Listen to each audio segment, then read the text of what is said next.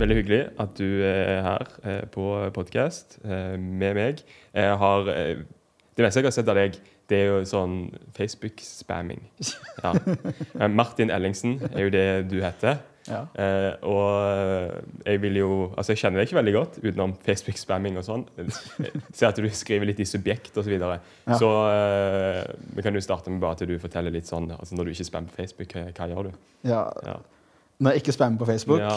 så spammer jeg på Facebook. Ja. Det, er, det er det jeg gjør. Mm. Nei da, det er ikke det. Men eh, jeg tar jo master i statsvitenskap på Ja. Universitetet i Agder. Og hvor langt er du kommet? Eh, nå skal jeg begynne å skrive liksom masteroppgaven. da. Mm. Men jeg har brukt ganske god tid på å sette meg sånn inn i tematikk og finne litt ut av hva er det jeg ønsker å skrive om, og litt sånn kan man skrive om det. Mm. For jeg skal jo skrive om kanselleringskultur, da. Og, eh, eller jeg, jeg starta med at jeg skal skrive om kanselleringskultur, og så har jeg konkretisert det til å handle om ytringsfrihet i akademia. Ja. Eh, og mens jeg var gravd gravde til disse tingene her, så kom hun med noen sånne eh, offentlige utredninger da, om Mm. forholdene med ytringsfrihet i akademia. Ja.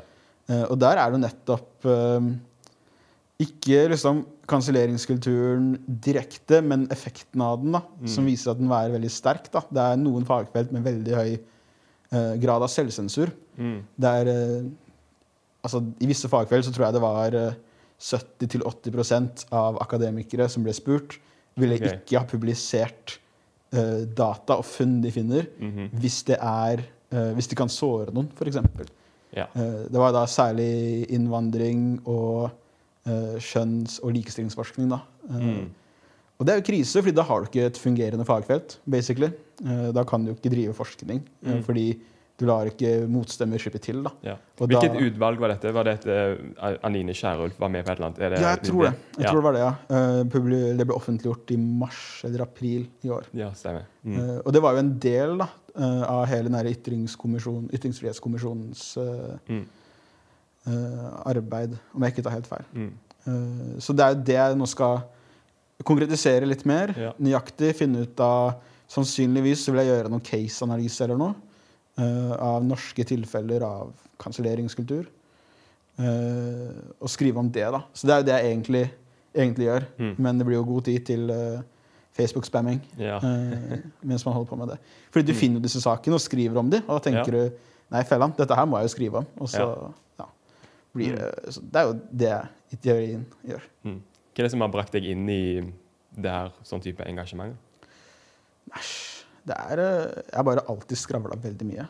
Mm. Og Facebook så kan du bare få ord til å bli liksom tekst. Ja. Uh, så det er bare en naturlig forlengelse av personligheten min, føler jeg. Mm. Uh, man føler kanskje et behov, da. Jeg har jo alltid vært Jeg har lest mye. Alltid. Jeg har alltid vært han fyren som liksom veit ting, da. Til og med fra barneskolen og sånne ting. Eh, vi hadde lesekonkurranse på biblioteket da jeg var liten. ja. Eh, og da var det som en, en sommer. da. Det var den som leste flest bøker liksom, på hele det eh, kommune- eller fylkesbiblioteket, skulle liksom vinne en eller annen premie. da. Jeg vant jo det sånn enormt mye. Jeg leste sånn flere hundre bøker den sommeren. ja. liksom. Uh, så det var sånn eh, uh, Jeg har alltid lest veldig raskt. Mm. Og da lærer du ting, da. Og når du lærer ting, så innser du at mange av disse tingene her, de er jo viktige. Eh, og det har noe å si at det snakkes om, og det har noe å si at folk kan det. Så du føler nesten sånn, eller jeg da, føler nesten sånn forpliktelse til å skrive om ting eller uttale meg om en del ting. da. Mm.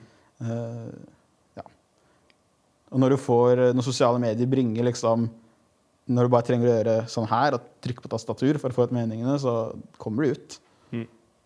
Når du skal skrive master og på en måte jobbe med det her, hvordan går man fram da? Fordi eh, Ytringsfrihetskommisjonen eh, Vi kan gå litt mer i dybden på det litt senere. Men, men i eh, rapporten deres så skrev de jo at det er vanskelig å vite hvor utbredt sånne ting som scenenekt og kanselleringskultur faktisk er. Ja. Og nå skal du skrive om det, da. Eh, så hvor leter man på en måte etter svar på de spørsmålene? Er det liksom litteratur? Er det kvalitativ studie? Eller liksom, hva, er ja, hva er planen?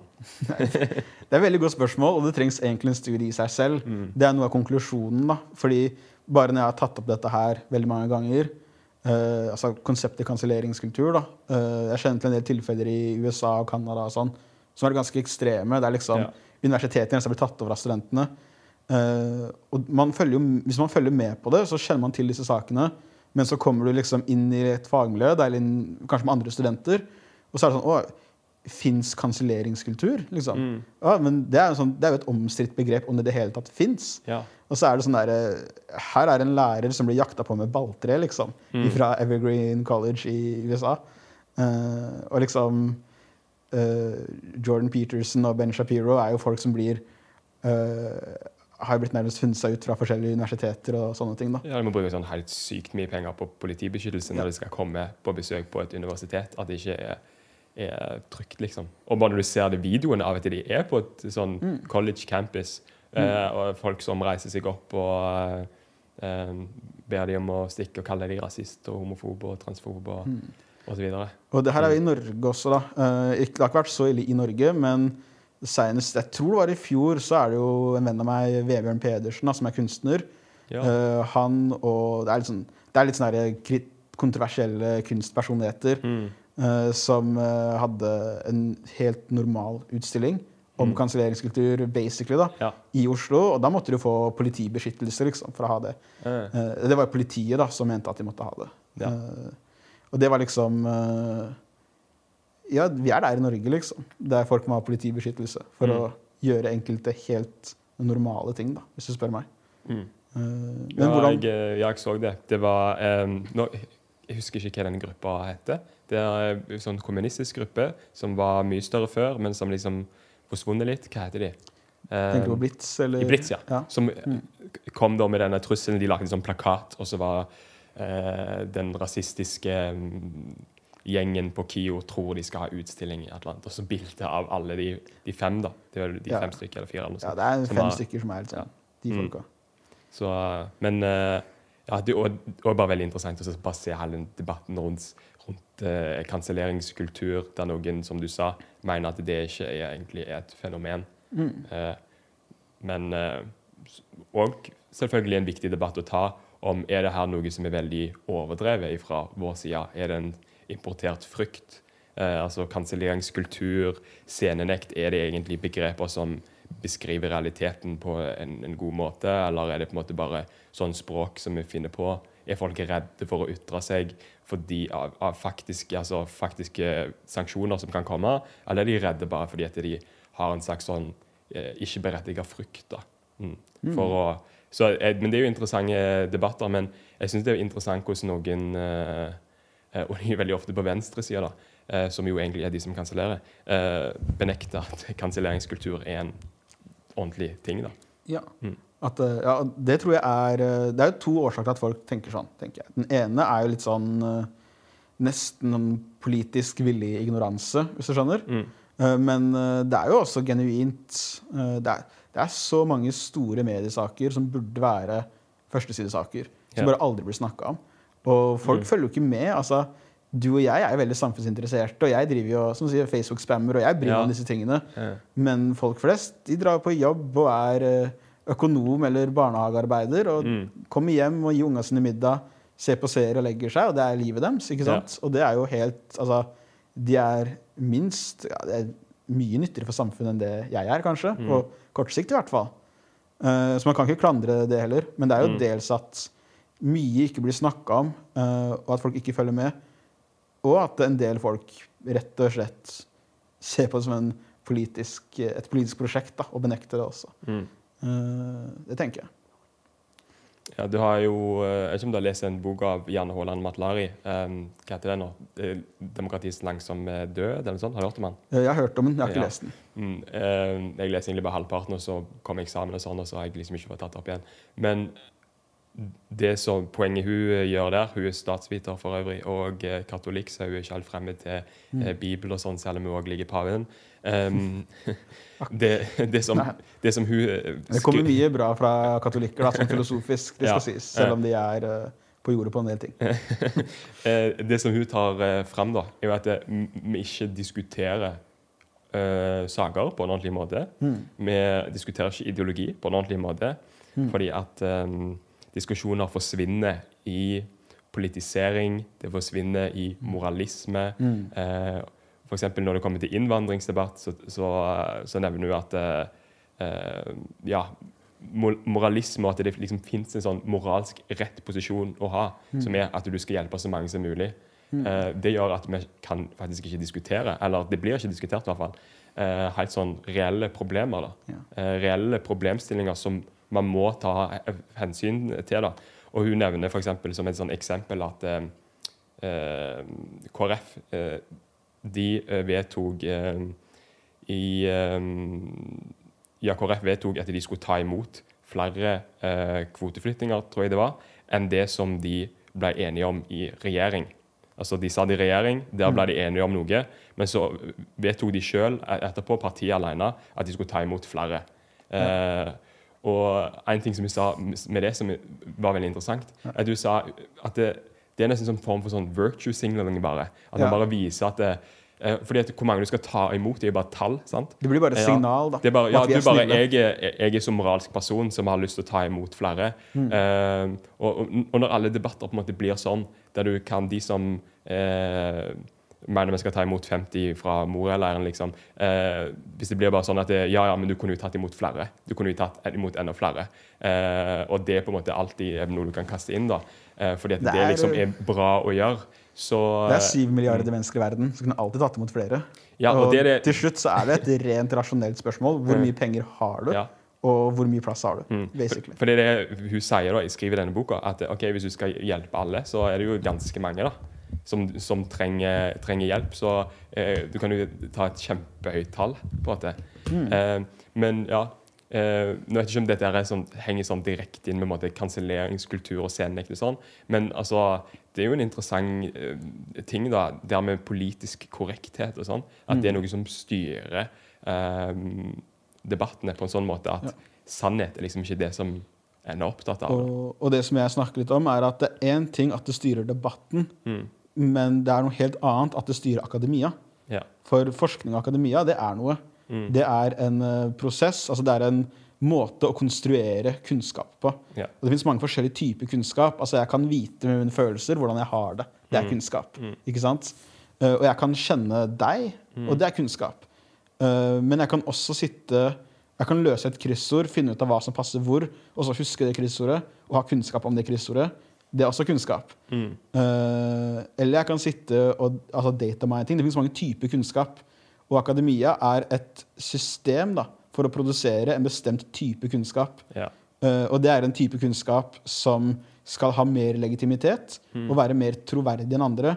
Fordi hver gang noe kommer fra et universitet, så skal alle kunne vite at dette her har blitt testa, det har blitt prøvd, Ja. det har blitt utfordra. Hvem som helst kan utfordre det. Mm. Mens hvis du kommer som en politiker og bare kommer med et utsagn, så er det bare, altså, det er bare noe du har sagt. ikke sant? Eh, så problemet her er jo ikke altså, Det er åpenbart problem med kanselleringskultur i samfunnsdebatten. Uh, men når det kommer inn i akademia, så ødelegger det det Altså alt det akademia er. Mm. Det ødelegger forskningen, det ødelegger uh, vitenskapen, og det degenererer bare umiddelbart til å bli ren politikk. Mm. Eh, og det er det som er så giftig, fordi Vesten da, er jo bygd på en sånne Det er en som heter Neil Ferguson. Han har en veldig bra Jeg tror det er en dokumentarserie på BBC eller noe. Det er lett å finne det, i hvert fall. Ja. Eh, det ligger på YouTube, tror jeg. Han Neil Ferguson, da, hvis du søker på han. Mm. Eh, og han har en sånn serie som vi så på i et av fagene på Universitetet i Agder. Ja.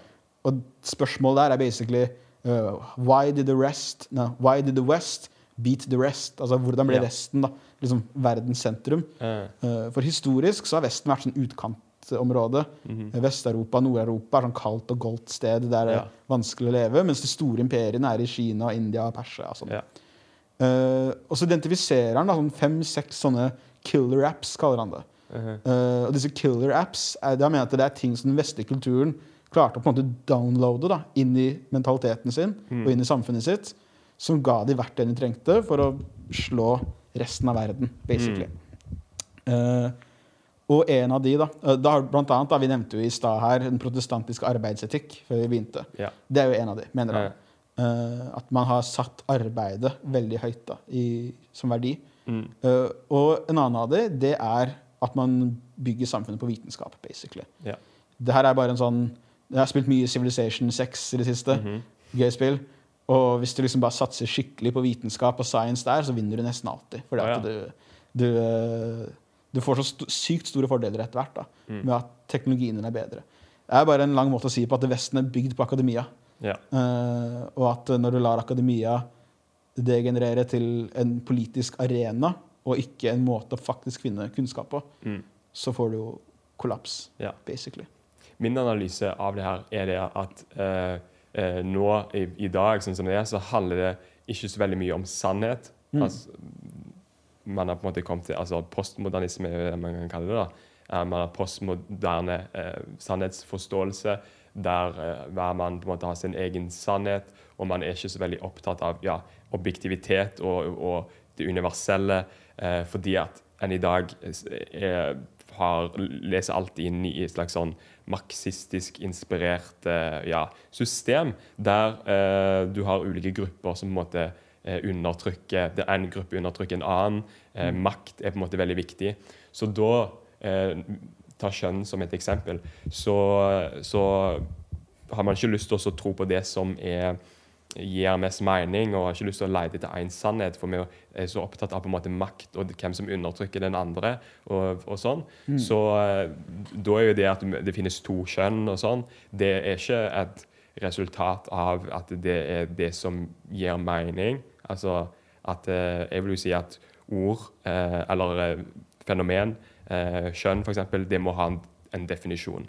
Når jeg er mann, eh, så er jeg det fordi at jeg oppfyller visse sånn objektive kriterier.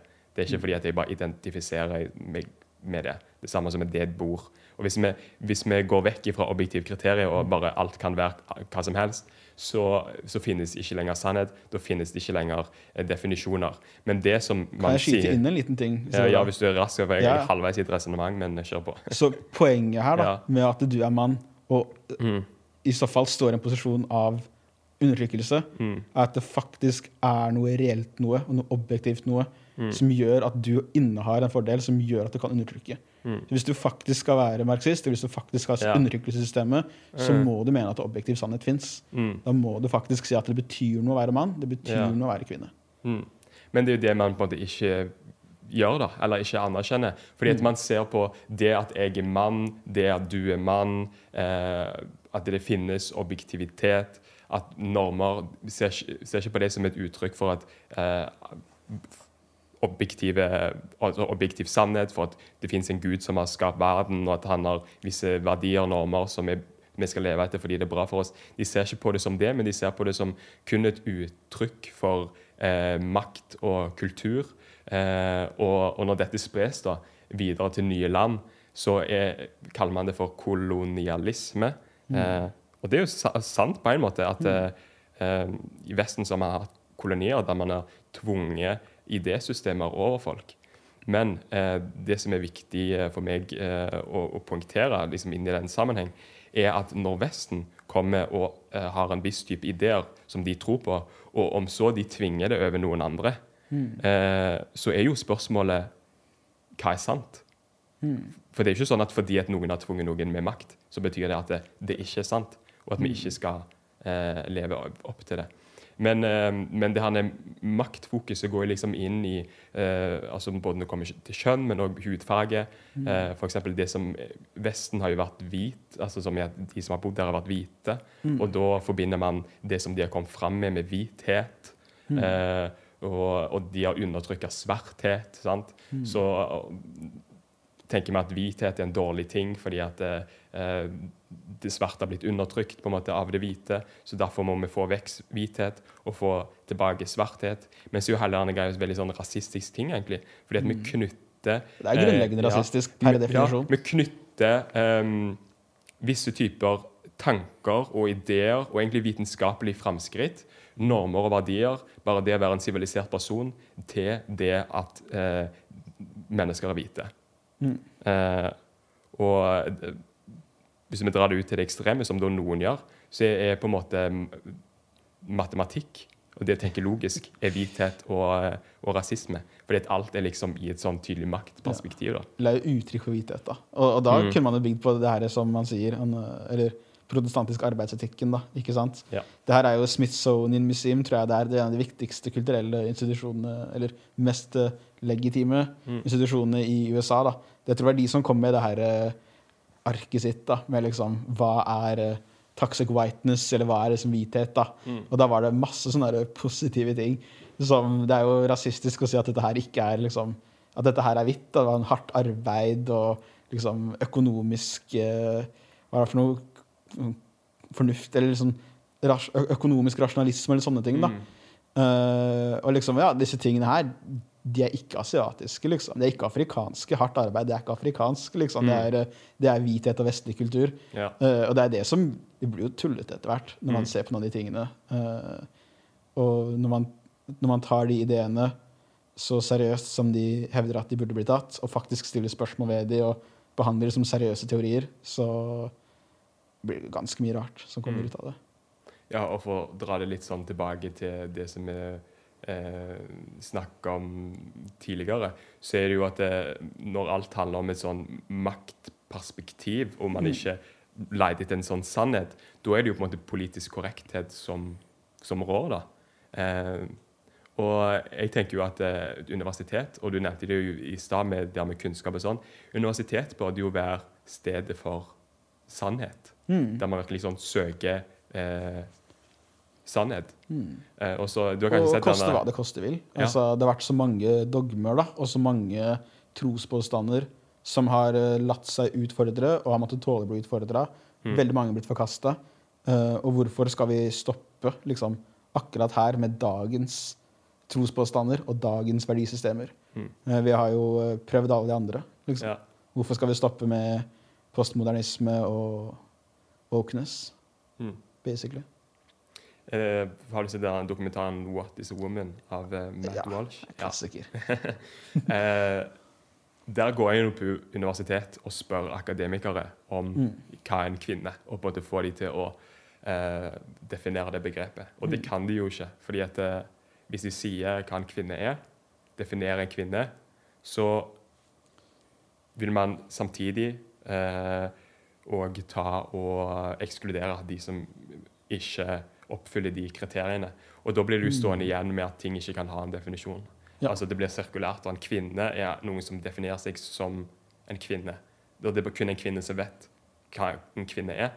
Mm. Eh, gir ingen mening, for hvordan kan det da bli en kvinne hvis det er kun kvinner som vet hva kvinner er? Mm. Eh, kvinner er eh, kvinner som kategori bare forsvinner. Det er helt, sånn, helt sånn ulogisk. Men eh, der syns jeg bare var interessant det poenget som han nevnte, da, at eh, han kom liksom til eh, ikke om universitet eller hva det var, og på en Mm. måte en utdanningsinstitusjon. Og så, og så nevner han det at eh, ok, her har jeg kommet her, jeg bør, bør ikke der være en plass for sannhet? liksom?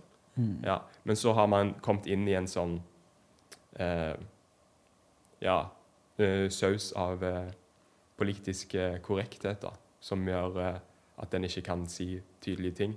Og, eh, og for de som ikke er helt med på det her toget, Mm. eh, som kanskje også driver med naturvitenskap typisk, så tror jeg at en sånn politisk korrekthet, eh, sånn krav om det, kan føre til selvsensur. At en ikke tør å si helt sånn åpenbare fakta. Eh, fordi at folk i eh, som studerer sosiologi og, og kjønnsforskning Mm. har liksom lagt premissene da, for eh, all vitenskap. Mm. Og det er det det egentlig handler om, og det, det er derfor jeg skriver veldig mye da, om Mm. til og med betente saker, sånn som transpolitikk og homofili og abort og sånne ting. Uh, og det er fordi at uh, det handler ikke om saken. Det handler ikke om det politiske spørsmålet. Mm. Jeg pleier å si at det er en religionskrig i Vesten mellom et objektivt virkelighetsbilde som egentlig kun gir mening hvis du funderer på kristendom, da, egentlig.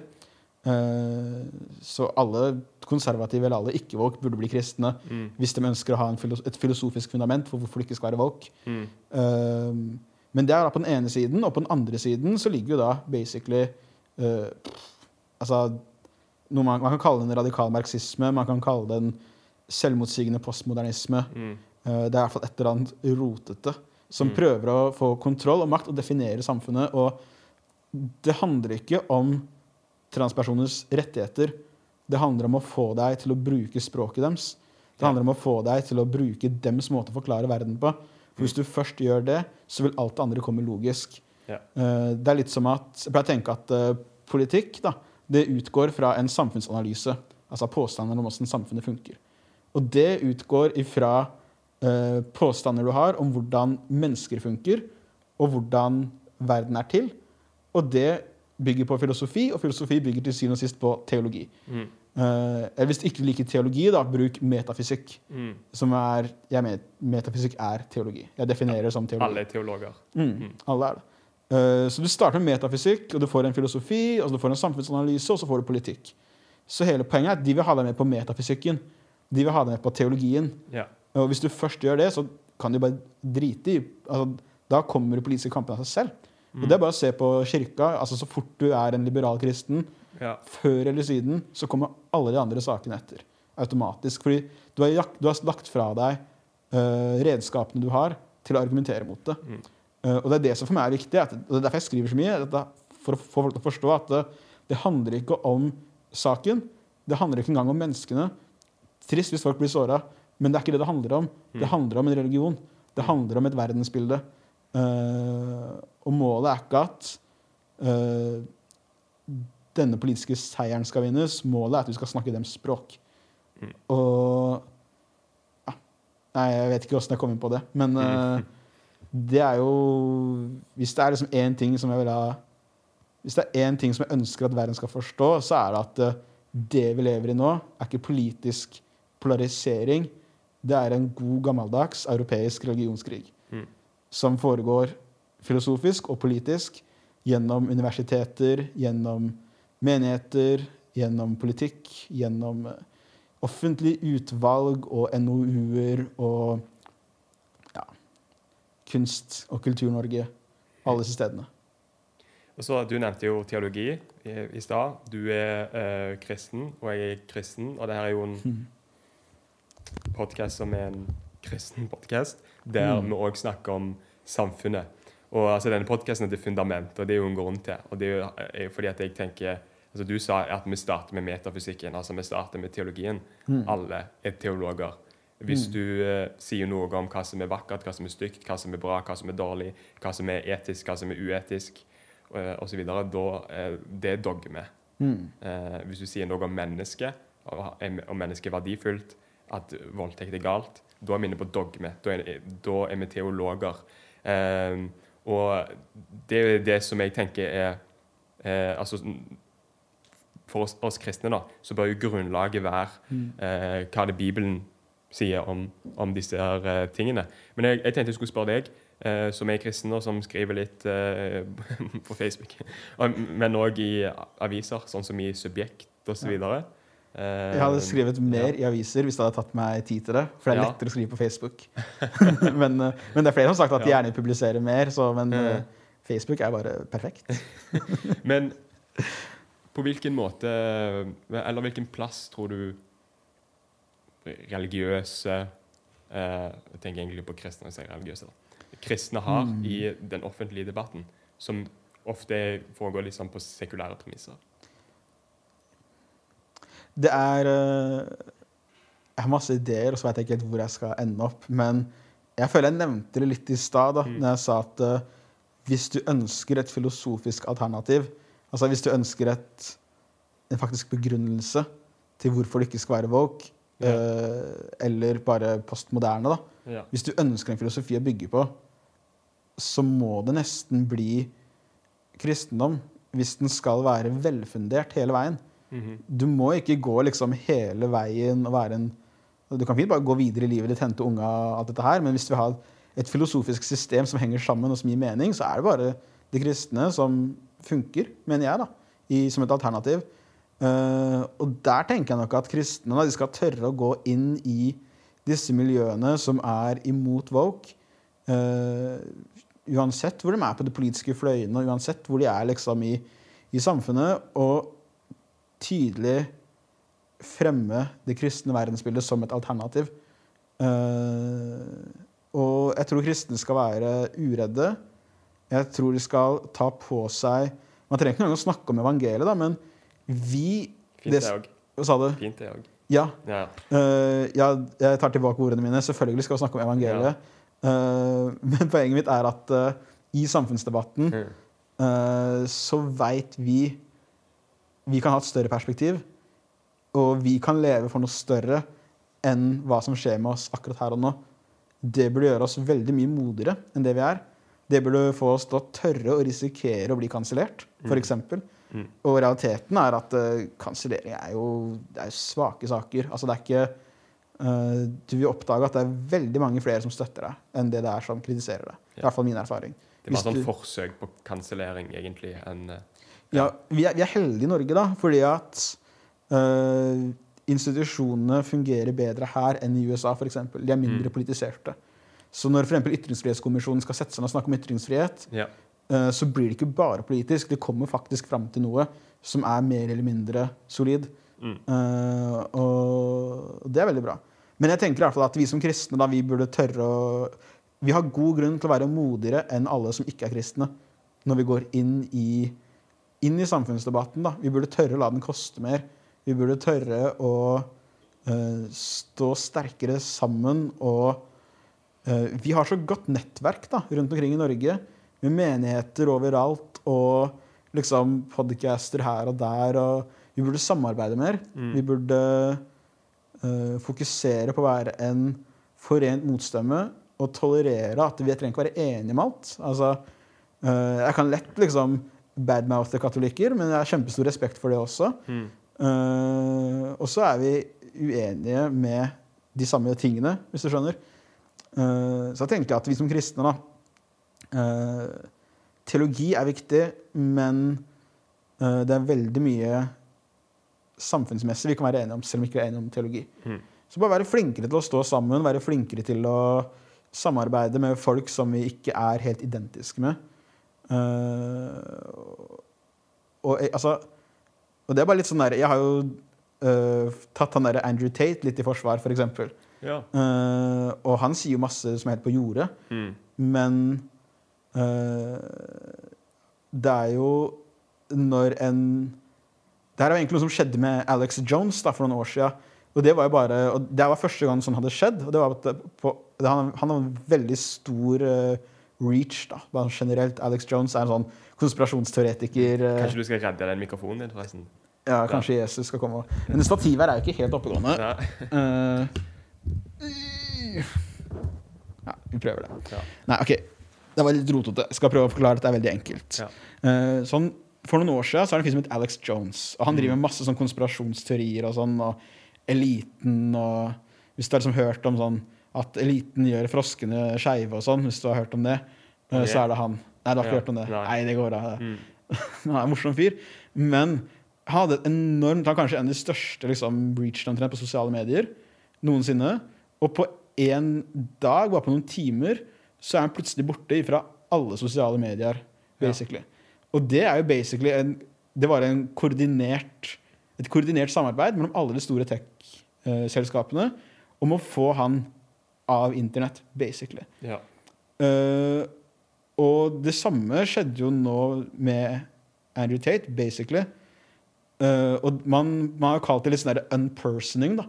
Når du plutselig bare tar Altså uh, Sosiale medier er så sykt viktig i dag. Det er bare sånn LinkedIn. ikke sant? Sånn der, det handler om så mye. Det handler om evnen til å kommunisere.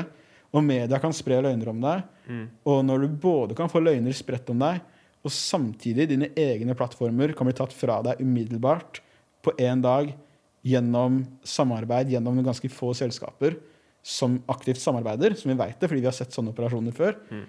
Uh, jeg syns det er ekstremt kritisk. Uh, og Andrew Tate kan si masse fæle ting om kvinner. altså Kvinner har sagt masse fæle ting om menn i ti år. Mm. uh, uten at de har blitt kansellert for det. Eh, og da er det jo prinsippet her da, i at eh, eh, At det sitter noen svært få svært mektige selskaper som samarbeider og hvem som får lov til å prate, hvem som ikke får lov til å prate. Og hvis du er en politiker, så er dette her umiddelbart de første folka du sørger for å få på din side i enhver valgkamp. Mm. Jeg husker jeg fikk et skikkelig sånn der wow-moment. Eh, det var, jeg tror det var tidlig 2017 eller noe sånt. Nå. Og det var når, uh, når Trump vant valget. Alle Hvor gammel er du egentlig? Uh, 29. 29? okay. Ja. Jeg er 23, så Ah, okay. født i går. Ungdommen, vet du. Ja. Neida, Trump vant jo i 2016. ja. Alle var sure. Mm. Uh, og så begynte Facebook etter noen måneder eller noe, og de inngikk et samarbeid da, med Eller de inngikk ikke et samarbeid, de begynte å ha samtaler med den amerikanske regjeringa for å finne ut av hvordan kan uh, altså, hvordan kan vi samarbeide. Jeg husker ikke om det var- et eller annet det var. Men det var bare sånn skifte, da, for man gikk fra å fordømme Trump til å plutselig basically alliere seg og dermed anerkjenne og legitimisere uh, hans regjering. da. Og da skjønte jeg at uh, Hvem, hvem gjorde det? Uh, Mark Zuckerberg i Ja. Facebook Ok. Så det det betydde for meg, var at Facebook, som alltid hadde vært liberale, Mhm. var plutselig ikke liberale. De støtta hvem det nå var som leda i politikken. Okay. Uh, at de var villige til å samarbeide med høyresida. De var villige til å uh, gi plattform og støtte oppunder også høyresida, hvis det er de som Altså, det var, det var bare sånn På engelsk så sier man 'cast their lot'. Uh, they cast their lot with the Republicans. Mhm. De lot seg ta den risikoen det var å samarbeide med republikanerne, basically. Uh, og la seg assosiere med det. Og da skjønte jeg at uh, de tenker jo altså, de tenker jo strategisk. De tenker maktpolitisk. Altså, de støtter makta, basically. Uh, og det for meg var et sånn derre En wake-up call på at alle disse sosiale mediene de er jo politiske, basically. Ikke nødvendigvis direkte, men når Elon Musk skal kjøpe opp Twitter, når han har lyst til å gjøre det, da, Ja. umiddelbart Det viktigste med det er at det er politisk. Det viktigste med det er at han lover en free speech-plattform som ikke er, mm. ikke er venstrepolitisk. da. Ja. Uh, og da uh, Jeg vet ikke. Det blir jo Venstresida de prøver å Det har de alltid gjort. Eh, det marxisme handler om i veldig stor grad, er å skape bevissthet rundt din posisjon som undertrykt. Mm -hmm. Så det er veldig viktig for venstresida å gjøre alt politisk. Du skal ikke ha på en måte en, Det skal ikke være noen arenaer som ikke er politiske. Når det er amerikansk fotball, så skal du knele for uh, the anthem, ikke sant? Mm -hmm. uh, når du har en eh, barnehage, et bibliotek, så skal det være Altså det skal være pride, og det skal opplæres i uh, kjønnsteori. Alle arenaer av samfunnet skal være politiske på venstresida. Uh, og, og det er det som er dagens realitet, basically. Det er derfor det er så slitsomt å være i samfunnsdebatten. Slitsomt å følge med i samfunnet, fordi det er politikk overalt. Mm. Du kan ikke bare gå og se en mann sparke en uh, kule med lær. Eh, det er liksom alltid politikk, da. Eh, og ja, Nå var jo spørsmålet egentlig hvordan kan vi kristne være aktive i samfunnet. Ja. men, men for meg så er det viktig da, at man må, man må skjønne det samfunnet man lever i. Mm. Det tenker jeg, Sånn at du faktisk lever i samfunnet. Mm. Du må være aktiv i samfunnet, ikke aktiv oppi drømmehuet ditt. Ja. Uh, du må skjønne hva som er den politiske realiteten. Uh, du må forstå hva som er motivasjonen til Altså til de selskapene som styrer verden, basically. Man må skjønne hva det er som driver eh, samfunnet framover. Man må skjønne hva som motiverer stater. Så jeg har studert statsvitenskap, da. Mm. så derfor er politikk kjempeinteressant. Mm. Men liksom, det er en måte som stater tenker på. Uh, det er uh, Det er sånn PST, da. De har aldri noensinne hatt nok informasjon. De krever alltid mer informasjon for å beskytte seg mot terror. Mm. For det er jobben deres. Terror. Uh, Privatliv er ikke jobben deres. Jobben deres er å Ja. Stanse og overvåke terror. Ja. Så de har aldri nok informasjon. De kommer aldri til å slutte å be om mer overvåkning. Ja. Fordi ellers så er det ikke noen grunn til at PST fins. Mm. Og det er liksom Vi må på en måte forstå at uh, Nei, noen, det er noens jobb å sørge for at PST ikke får vilja si Ja. hver gang. Det er noens jobb å sørge for at kunstorganisasjonene ikke alltid får mer penger til akkurat det de vil. Ja. Det er noens jobb å sørge for at uh, akademia faktisk er akademia og ikke politikk. da. Mm. Eh, så det, det er vanskelig å Det blir veldig vagt, da. Men vi må skjønne samfunnet. Vi må skjønne vår egen tro. Vi må tørre å stå sammen. Vi må uh, tørre å stå for noe. Vi må la det koste. Og så må vi Vi må ta på oss det ansvaret det er å gjenkjenne at det er ingen som står tryggere enn det vi gjør mm. når det kommer til Vi har ikke noe å tape, og vi har himmelriket å vinne, basically. Mm. Og det kan ikke alle andre si. Nei. Og det betyr at vi har et særlig stort ansvar for å ta en kamp som koster noe, og ta en kamp som er utfordrende og vanskelig. Når det kommer til kristne sitt sånn samfunnsengasjement, så er det jo noen saker som er veldig sånn åpenbare, vil jeg si, og som også har diskutert mye på denne podkasten. Og det er ting som har med eh, kjønn, ting som har med seksualitet, ting som har med altså, aktiv dødshjelp, abort og sånn, der vi har et menneskesyn som eh, sier at det er på en måte ikke størrelse på foster eller hvor langt det har kommet i utviklingen, som har noe å si på hvor mye verdi det har, men det faktum at det er et individ. Uh, og de tingene er jo bra, det har vi diskutert før på podkasten, og det syns jeg er veldig klart, egentlig. Men uh, det som jeg syns òg er en interessant debatt, og du nevnte jo òg tidligere, er det her med kunst mm. og kultur. Eh, for eh, postmodernisme eh, og ideologi generelt har jo òg noe å si på hva slags type arkitektur, hva slags type kunst som blir lagd. Um, og da er det jo òg noen som reagerer på sånn type kunst som blir lagd i dag, og eh, søker mer til en sånn eh, hva skal jeg si, objektiv standard for eh, kunst. Så du har jo litt den, den Nerdrum-gjengen, på en måte. Ja. Det er litt sånn type, sånn type folk. Eh, du har eh, sløseri Hvem er de egentlig, eller hvorfor Altså Hvis jeg ikke hadde visst noe om kunst, så hadde ikke det sagt meg noe. Ja. eh, eh, jeg kan jo så lite at jeg er så, jeg er så redd for å gi en beskrivelse sånn, som ikke er eh, Ikke er på en måte presis. Ja. Men eh, og det, Fordi at jeg vet at noen av de der folka kanskje hører på dette òg, så det er som, det som er så ille. Men uh, Nadrum-gjengen er, er en, en gruppe sære folk som, som eh, eh, maler figurativ kunst Mm. Eh, i en viss type stil, da, der de er veldig sånn opptatt av å få fram eh, eh, det objektivt eh, vakre, da, og stille seg litt sånn kritisk til type moderne, abstrakt eh, kunst. da. Ja. Eh, så man kjenner på en måte igjen for en som liksom ikke har Jeg tolker det litt kunst. som at de fornekter liksom modernismen. da. Det Ja. liksom, De nekter å være med på premissene til at uh, moderne kunst skal ikke si eksistere, men liksom Mm. den der at, at det er veien vi skal gå. Du sier nei, moderne kunst og postmoderne Mm. kunst det er ikke veien vi skal gå. Ja. Det er litt sånn jeg tolker de da. Mm. Og så prøver de å gå til det mer tradisjonelle. De maler figurativt. altså De Ja. maler ting som når du Ja. ser det, så skjønner du hva det er. Eh, og det er jo ikke veldig populært i uh, det norske kunstmiljøet Mm. av en eller annen grunn. Ja, og hvis alt det vi sa nå var feil, så får William Heimdal, som hører på podkasten, bare sende melding.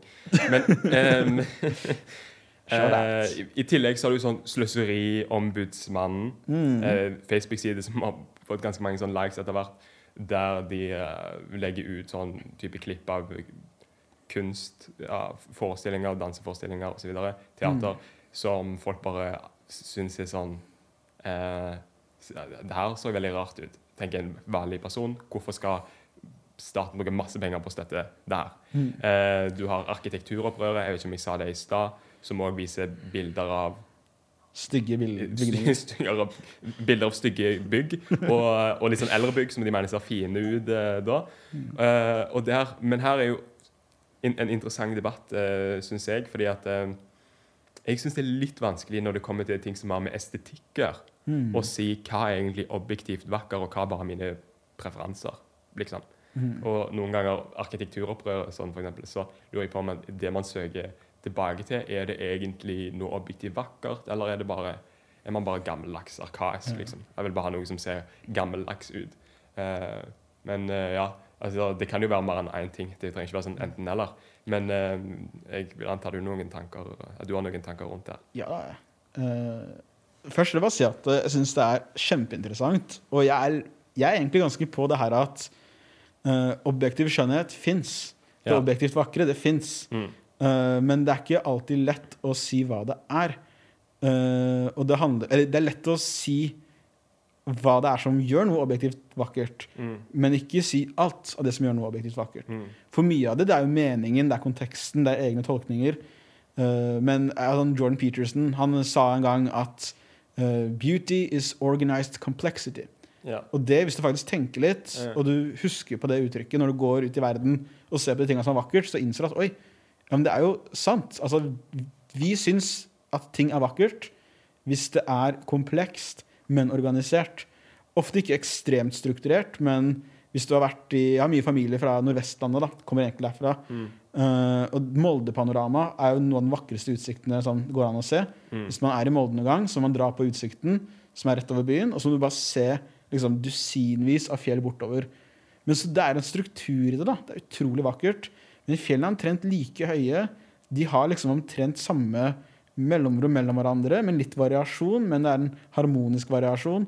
Og så er det andre linjer i landskapet som gjør at det her det framheves da, på en veldig god måte. Og Det er jo samme med uh, hva er det som kjennetegner mennesker som alle er enige om er vakre, og kontra mennesker alle er enige om ikke er vakre. Eh, og det er jo, Hvis man begynner å ta, trekke masse linjer, og sånne ting, så ser jeg at ja, det er masse symmetri. Ja. Det er jo masse eh, struktur, og det gylne snitt går igjen og igjen. da. Og menneskehjernen bare er sånn at noen ting bare digger menneskehjernen. Eh, og vi veit ikke hvorfor. Uh, bevisst. Vi, vi vet hva det er fordi vi kan observere det utenfra. Ja. Men når du opplever det, så veit du ikke hvorfor. Mm. Eh, og en annen ting da, det er jo i musikk, f.eks. Den derre kvinten. da. Hvis du går, Jeg tror jeg er, dårlig på musikk, da, men jeg tror hvis du går fem noter eller fem halvnoter opp, hvis du går fem steg opp da, på note, eh, det mellomrommet oppleves som det mest harmoniske mellomrommet okay. i musikken. Hvis det var slått riktig. uh, kontra f.eks. en ters, da, som er tre hakk opp, eller det går en oktav opp. Da. Det er ikke den samme følelsen av måte, det å komme hjem, eller det å liksom Av harmoni, da. Eh, så det objektivt vakre uh, fins. Og det her er det mye av renessansekunsten er bygd på. Det er jo å finne disse tingene som er Hva er det som er riktig? Hva er det som er vakkert? Liksom? Det er et eller annet med den derre Ja, en, eh, en firkant som ser liksom sånn ut, og ikke liksom Ja. rar ut, ikke sant? Uh. Uh, altså, det var bare en veldig rask bekreftelse av at du er ikke bare gammeldags og teit fordi Ja. du liker klassisk kunst. eh, Eh, Den klassiske kunsten søkte det som var harmonisk og vakkert. Uh, og ja, det er egentlig Vi syns at det som er harmonisk, er vakkert, basically. Uh, så objektiv skjønnhet fins, men det er så mye mer enn bare det rent strukturelle og visuelle som går inn i disse tingene. Det er drømmer og tanker og sånne ting òg, så du klarer aldri å fange helheten. Men fordi noe ikke er alt, så betyr ikke det at det er ingenting. mm. Uh, men uh, det var jo egentlig bare en utbrodering om et bitte lite punkt. Det jeg, har det jeg har veldig lyst til å snakke om, Ja. uh, som jeg nevnte litt for deg i stad òg, det er jo hvorfor kunst er interessant. Vi har fått veldig mange spørsmål om det. Jeg har begynt å poste mye kunst på liksom, Instagram og sosiale medier og sånne ting. da. Uh, og strategien da har bare vært veldig impulsivt. Litt sånn på Facebook også. Det er egentlig alt jeg gjør. Det er bare sånn Her mener jeg noe, jeg skriver det, trykk enter, ferdig. Mm. Ikke sant? Oi, her var et fint bilde.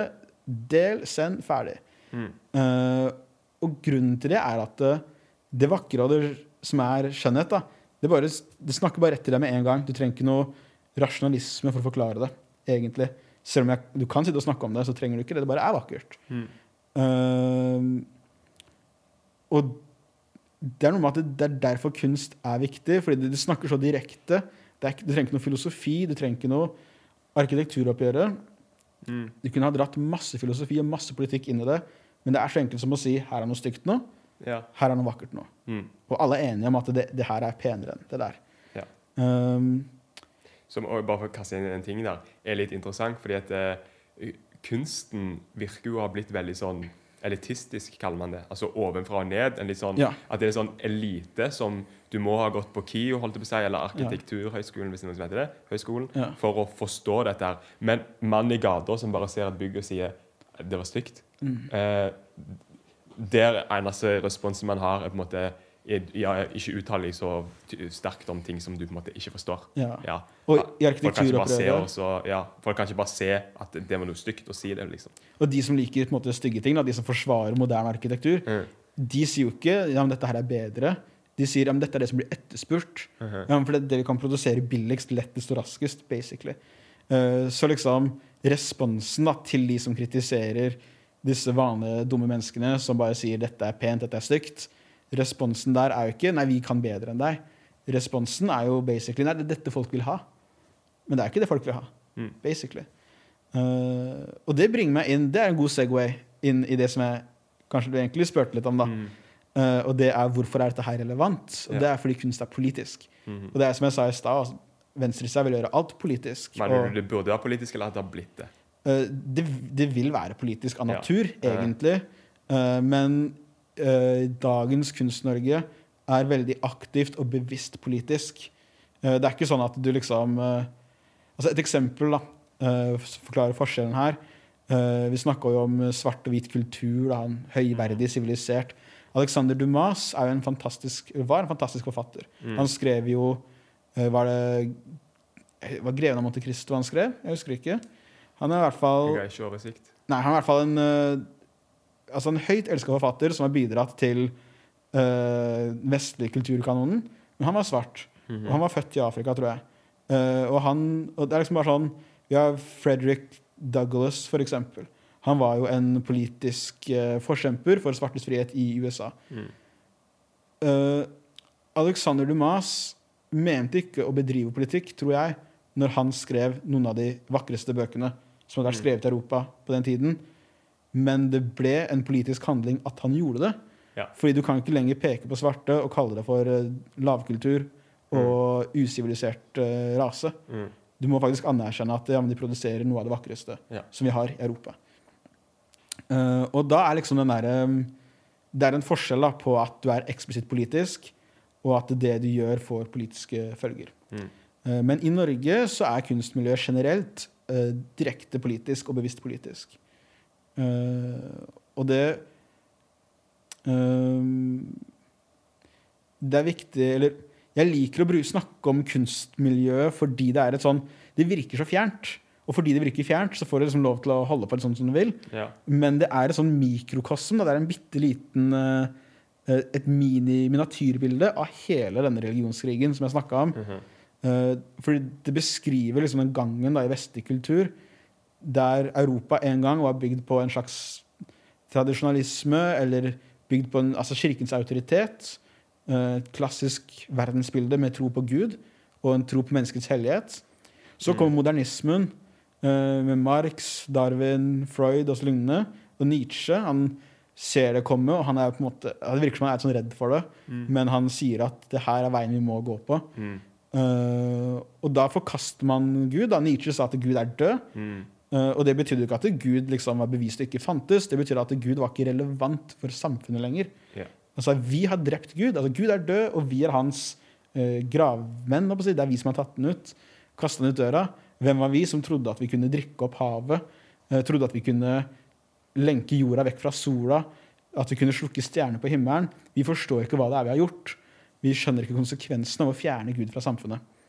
Uh, og så på en måte profeterte han da nærmest at nå som vi har fjerna Gud, så kommer det 20. århundre, altså 1900-tallet, til å bli mer blodigere enn de foregående 19 århundrene til sammen. Og det ble det jo i Mm. lett. Uh, for han sa at det kommer til å komme forferdelige ideologier ut av dette her. Uh, kommunisme og fascisme og nazisme, alle disse tingene uh, oppstår da som en del av modernismen. Og det som skjer, da, er at første og andre verdenskrig av litt forskjellige grunner blir to sånne ideologiske traumer da, for Europa. Der Europa mister totalt troen på seg selv. Og mister troen på sin egen godhet. Og blir redd for alt som ligner på eh, patriotisme, nasjonalisme og troen på at det man har å komme med, er noe bra.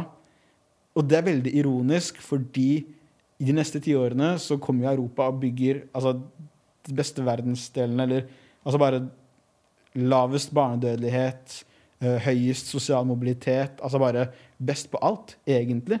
Men kontinentet er overbevist om at du er ond, liksom. Mm. Verre enn alle andre rundt deg. Og så er du egentlig kanskje det beste som noensinne har eksistert, da, ironisk nok, eh, etter alle disse klassiske målestokkene. Eh, og dette her ideologiske traumet som modernismen ender opp i, leder oss inn i postmodernismen, der vi blir livredde for nazistene og kommunistene og alt, og bare bestemmer oss for å slutte å tro på sånne store fortellinger, slutte å tro på store samfunnsprosjekter, og egentlig bare slutte å tro på alt. Og mennesket må bli målet til alle ting, da. Mm. Uh, og den store ironien her er at postmodernismen Jeg har fått litt pepper for å si dette her tidligere, okay. men jeg mener det. Uh, Jeg kan si det på en litt mer eh, Litt mer uh, imøtekommende måte enn det jeg gjorde forrige gang jeg sa det. og fikk pepper. Og det er at uh, postmodernismen uh, i, har veldig store likheter med de første sofistene som Platon kritiserte for sånn 2500 år siden. Mm -hmm. Og jeg mener at postmodernismen har liksom tatt det steget da, med å På én generasjon da, oppløst 2500 år med vestlig filosofi. Ja. Og basically er det største filosofiske tilbakeskrittet i historien, mer eller Mm. mindre. Uh, og, og postmodernisme er ikke noe nytt og spennende heller. Det er ikke noen smarte oppdagelser, egentlig. Uh, I altså, gammel hindi, indisk filosofi for sånn 5000-6000 år siden sa de samme tingene. Ja. Uh, så man hadde ikke trengt å kalle det noe nytt engang heller. Uh, og det gjør det kanskje lettere å forstå da, jeg sier at det er en religionskrig, Mm. at premissene for postmodernismen uh, ligner mer på uh, gammel gresk sofisme eller varianter av hinduisme enn det det gjør moderne, fornuftig tenkning, Mm. basically. Uh, men må få prøve å gi en oppsummering da, til hva jeg akkurat har sagt ja. Vi må gå videre snart, men ja. ja. Mm. Nei, Vi går fra et tradisjonelt samfunn Ja. inn til en moder modernistisk samfunn der vi har veldig stor tro på menneskehetens fornuft. Mm. Det går til helvete, bokstavelig talt. talt. Uh, og så blir vi livredde for det samfunnet, og vi kommer med postmodernismen. Og vi begynner å bli livredde for oss selv, vi begynner å hate oss selv, vi begynner å rive opp alt det som har gjort Vesten bra. da. Uh, og det er, poenget mitt er at dette her er ekstremt synlig i kunsten. Og det er derfor kunstdebatten er veldig uh, Det er så lett å forstå. Hvem som helst kan se Mona Lisa og si at dette er bra kunst. Mm. Og så kan du se moderne kunst og si oi, han fyren her, Edvard Munch, han var nok ikke helt uh, vel bevart. Det er jo stor kunst, Mm. men han trenger jo hjelp. Mhm. Og så kommer vi fra det til liksom en banan teipa fast i veggen, Ja. og så innser du at oi, shit, vi veit jo ikke hva vi driver med. Mm. Ikke sant? Uh, og da henger jeg meg heller i båten til Odd Nerdrum, Vebjørn Sand og de gutta der, Ja. som sier at eh, modernismen og postmodernismen må vi komme oss vekk ifra. Mm. Og vi må gå tilbake til røttene.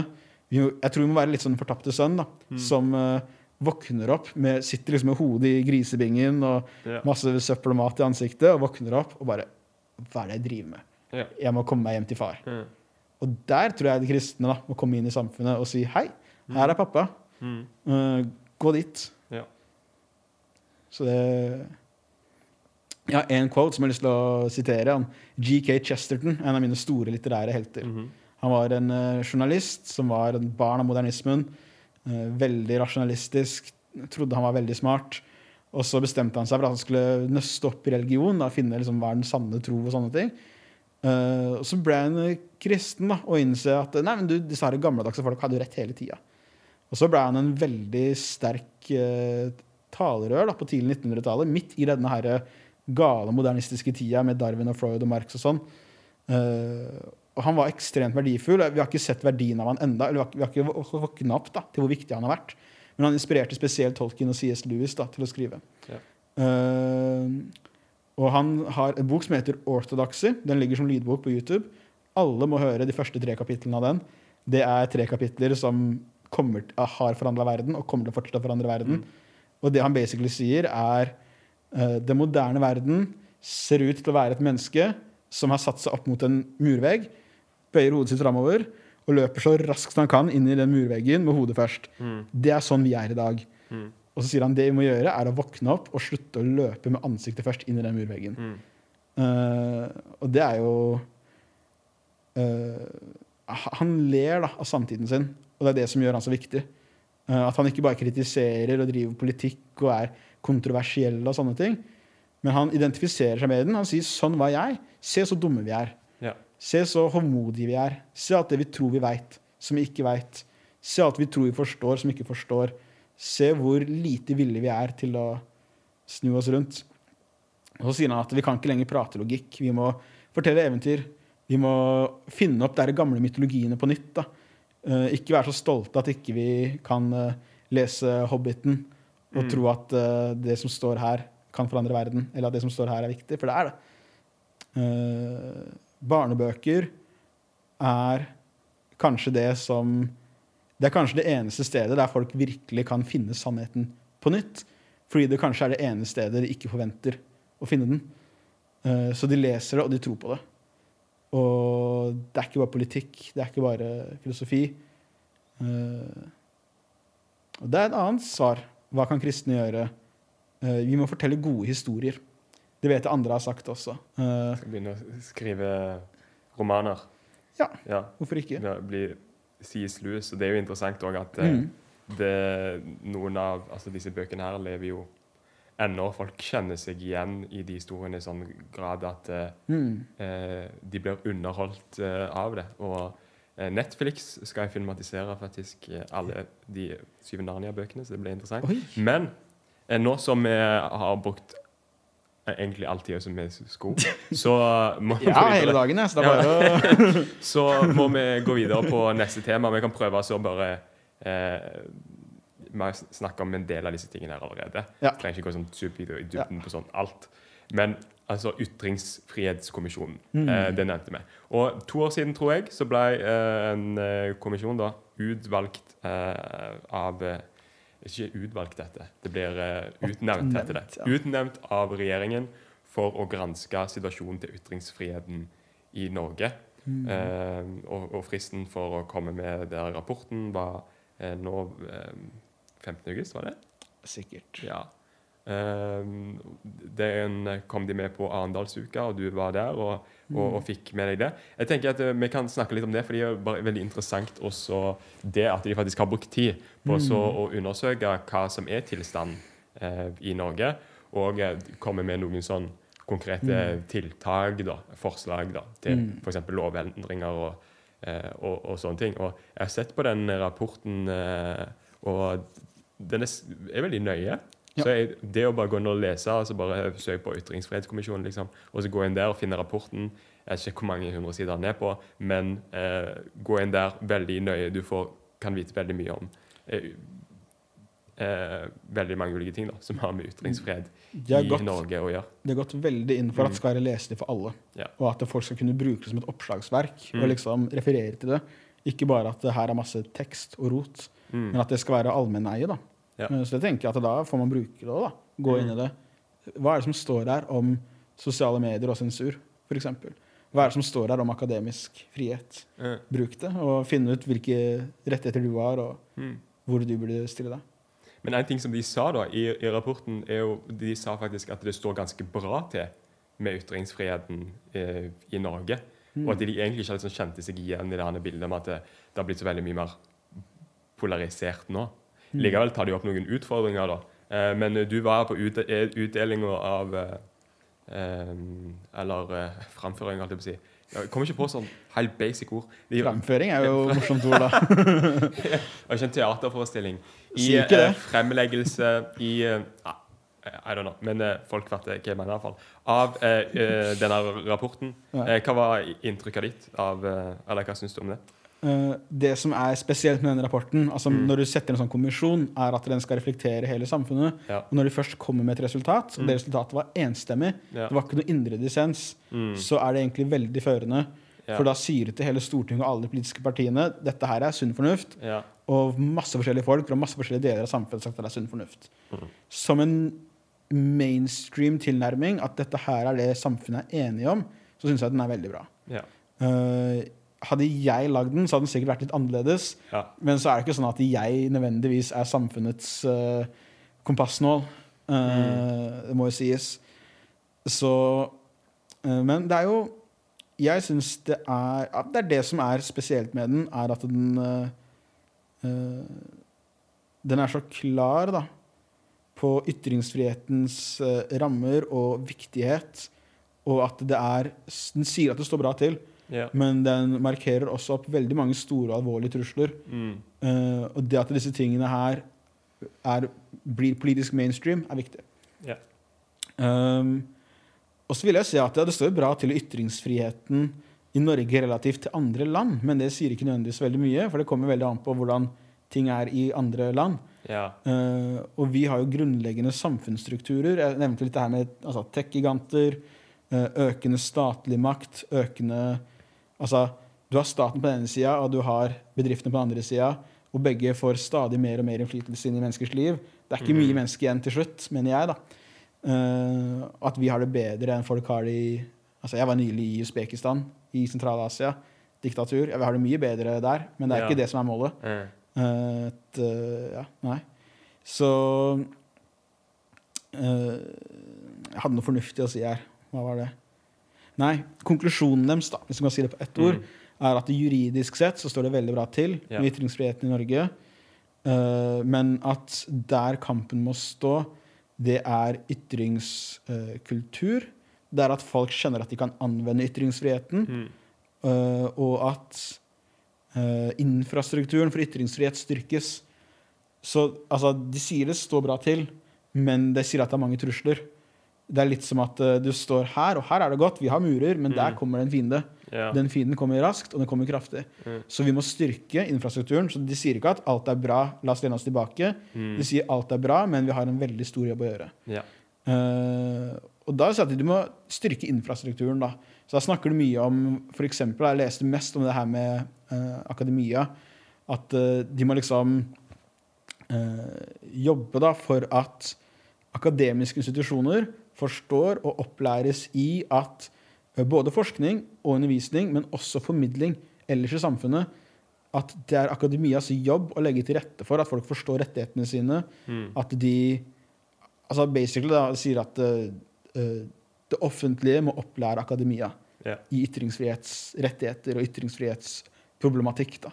Eh, og det ser vi, da. Norsk kansellering det har jeg sett litt på i forhold til masteroppgaven min. Eh, I USA så har kanselleringskulturen gjerne vært sånn en svær bælme med folk. Liksom forsøker å bruke makt for å stoppe folk i å si det de mener.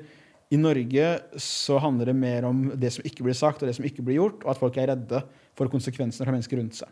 Mm. Eh, og da fagmiljøet sitt, sitt eget fagmiljø, da, sine egne ledere og sånne ting. Uh, så man unnlater å gjøre ting. Uh, og ja, Nå mister jeg tråden på det også. Mm. Det gjør jeg alltid. Men, Men jeg, jeg kan gå videre også til å snakke om altså altså fordi ytrings... mm, Um, nå må vi avslutte, egentlig. Men Ja. ytringskultur um, er jo én ting. Men Ja. det de òg diskuterte en del, var eh, rent sånn juridiske innskrenkninger som vi har i ytringsfriheten, og som vi eh, i Norge tenker er bra. da. Og det som de sa det var veldig mye diskusjon rundt, mm. var denne straffelovens paragraf 185, som handler om hatytringer. og Jeg har den her, så jeg kan bare Ja. lese litt av den. Eh, der står det at med bot eller fengsel inntil tre år straffes den som forsettlig eller grovt uaktsomt offentlig setter fram en diskriminerende eller hatefull ytring.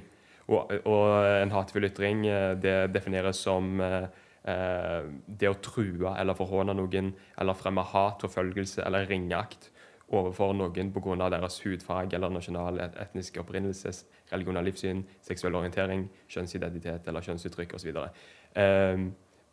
Den eh, har, det er en kontroversiell lov som har blitt en del eh, diskutert. og Den òg var veldig uenige.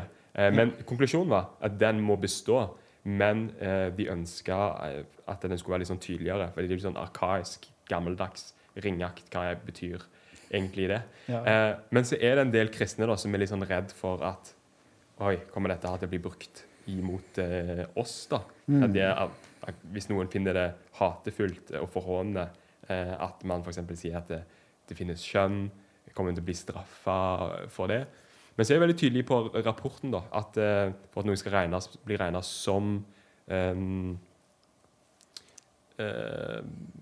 regna som straffbart, så må det være en sånn såkalt eh, kvalifisert eh, krenkende eh, eh, ytring. Eller ytring av sånn eh, Hva skal være? Hva er Kvalifisert kvalifisert? krenkende karakter. Men det det betyr, da, er at eh, det må det være det en, liksom en vanlig person vil anse som krenkende. Så verken Ja. det jeg mener med det jeg sier, eller det du opp, opplever, eh, men Mm. det en, en sånn vanlig person vil anse som svært Eller rettere krenkende. sagt, liksom. det en liten gruppe mennesker sier at en vanlig person ville ha ansett som krenkende. Og det er der problemet ligger. Det er jo Mm. det er ikke bare tolkning. Det er ikke bare det du synes er, det er ett lag med tolkning. Mm. Men så er det hva den andre personen, to lag med tolkning, ville sagt. Mm. Men i realiteten, i rettspraksis, hva dette utvalget eller juryen eller tre, Ja. Det er tre lag med tolkning. Mhm. Det er helt på jordet. Mhm. Det funker jo ikke, mener jeg. Så det jeg ville ha gjort uh, for å endre den Eller ja, man burde bare fjerna ordet hat i det hele tatt. Mhm. Altså Alt som har med hat å gjøre, bare fjerne det. Fordi du må definere det. Du kan ikke vite andres følelser, hvis du skjønner. Du kan ikke vite andres indre intensjoner, med mindre de sier det selv. Mm. Eh, så det må defineres. Og når du så definerer det, eller når de definerer det, og du leser det opp, så ser ikke jeg forskjellen på det der og diskriminering. Mhm. Ikke sant? Ja, men det her er diskriminerende ytringer. Det er ytringer som ringakter, bla, bla, bla. bla. Mm. tenker jeg bare fjern hat fra det, for det gjør det bare vanskeligere. Ok, men Eh, hva skal stå? Hva sa du? Hva skal stå der? Da skal vi bare fjerne hele Eh, paragrafen? De, de som fremmer diskriminerende ytringer som uh, nedvurderer andres menneskeverd Ja. basert på rase, skjønn, seksuell legning etc. Mm. Et Men det er jo noen som har nødt til å avgjøre hva en diskriminerende ytring er, da. Mm. Eh, Så, altså, I hvert er fall, da. Ja. Så fjern det en vanlig person ville antatt som. Mhm. Fordi i realiteten så blir det det noen andre mener at en vanlig person ville antatt som. Uh, og vanlige folk har jo ikke alltid rett. Vanlige folk i uh, Nazi-Tyskland hadde vært for å drepe jøder, f.eks. Mhm. Uh, så hele poenget med juss ja. er at du skal ha jurister og ikke hvermannsen, Mhm. men at særlig kvalifiserte mennesker Mm. skal kunne si det.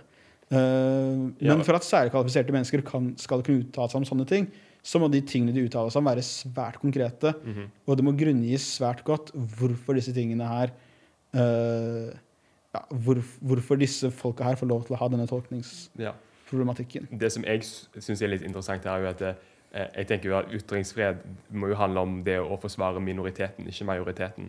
Men her legger man da egentlig som grunnlag at det er majoriteten sin mening om hva som er svært eh, krenkende, som skal gjelde som det som er forbudt. Mm. Eh, som virkelig sånn snudd på hodet da, for meg. Eh, men eh, det er i hvert fall Det som er fint med det, i hvert fall, at jeg tror ikke vi er kommet der ennå i Norge.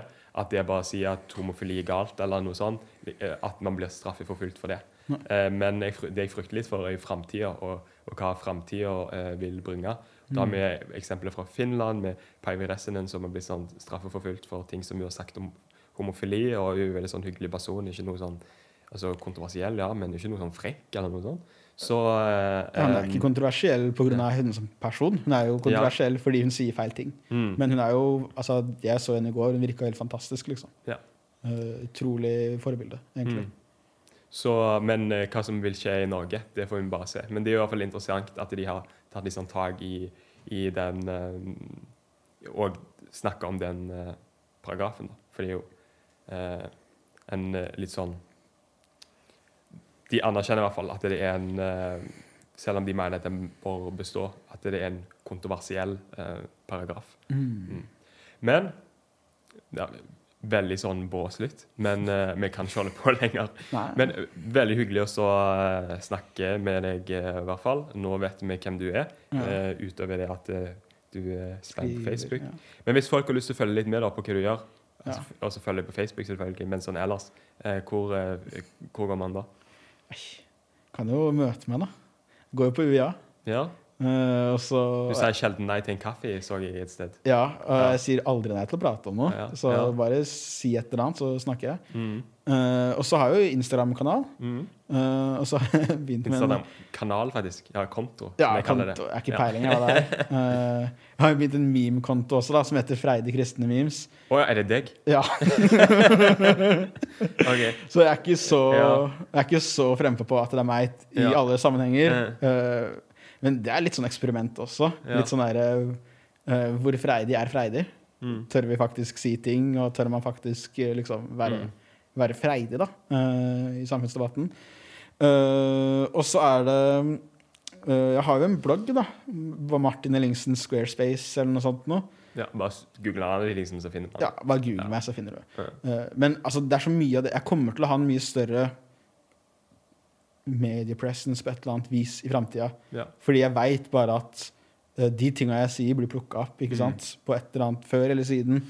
Uh, så ender man opp i fengsel for å si de tinga jeg sier. Mm. Uh, gi det fem-seks år.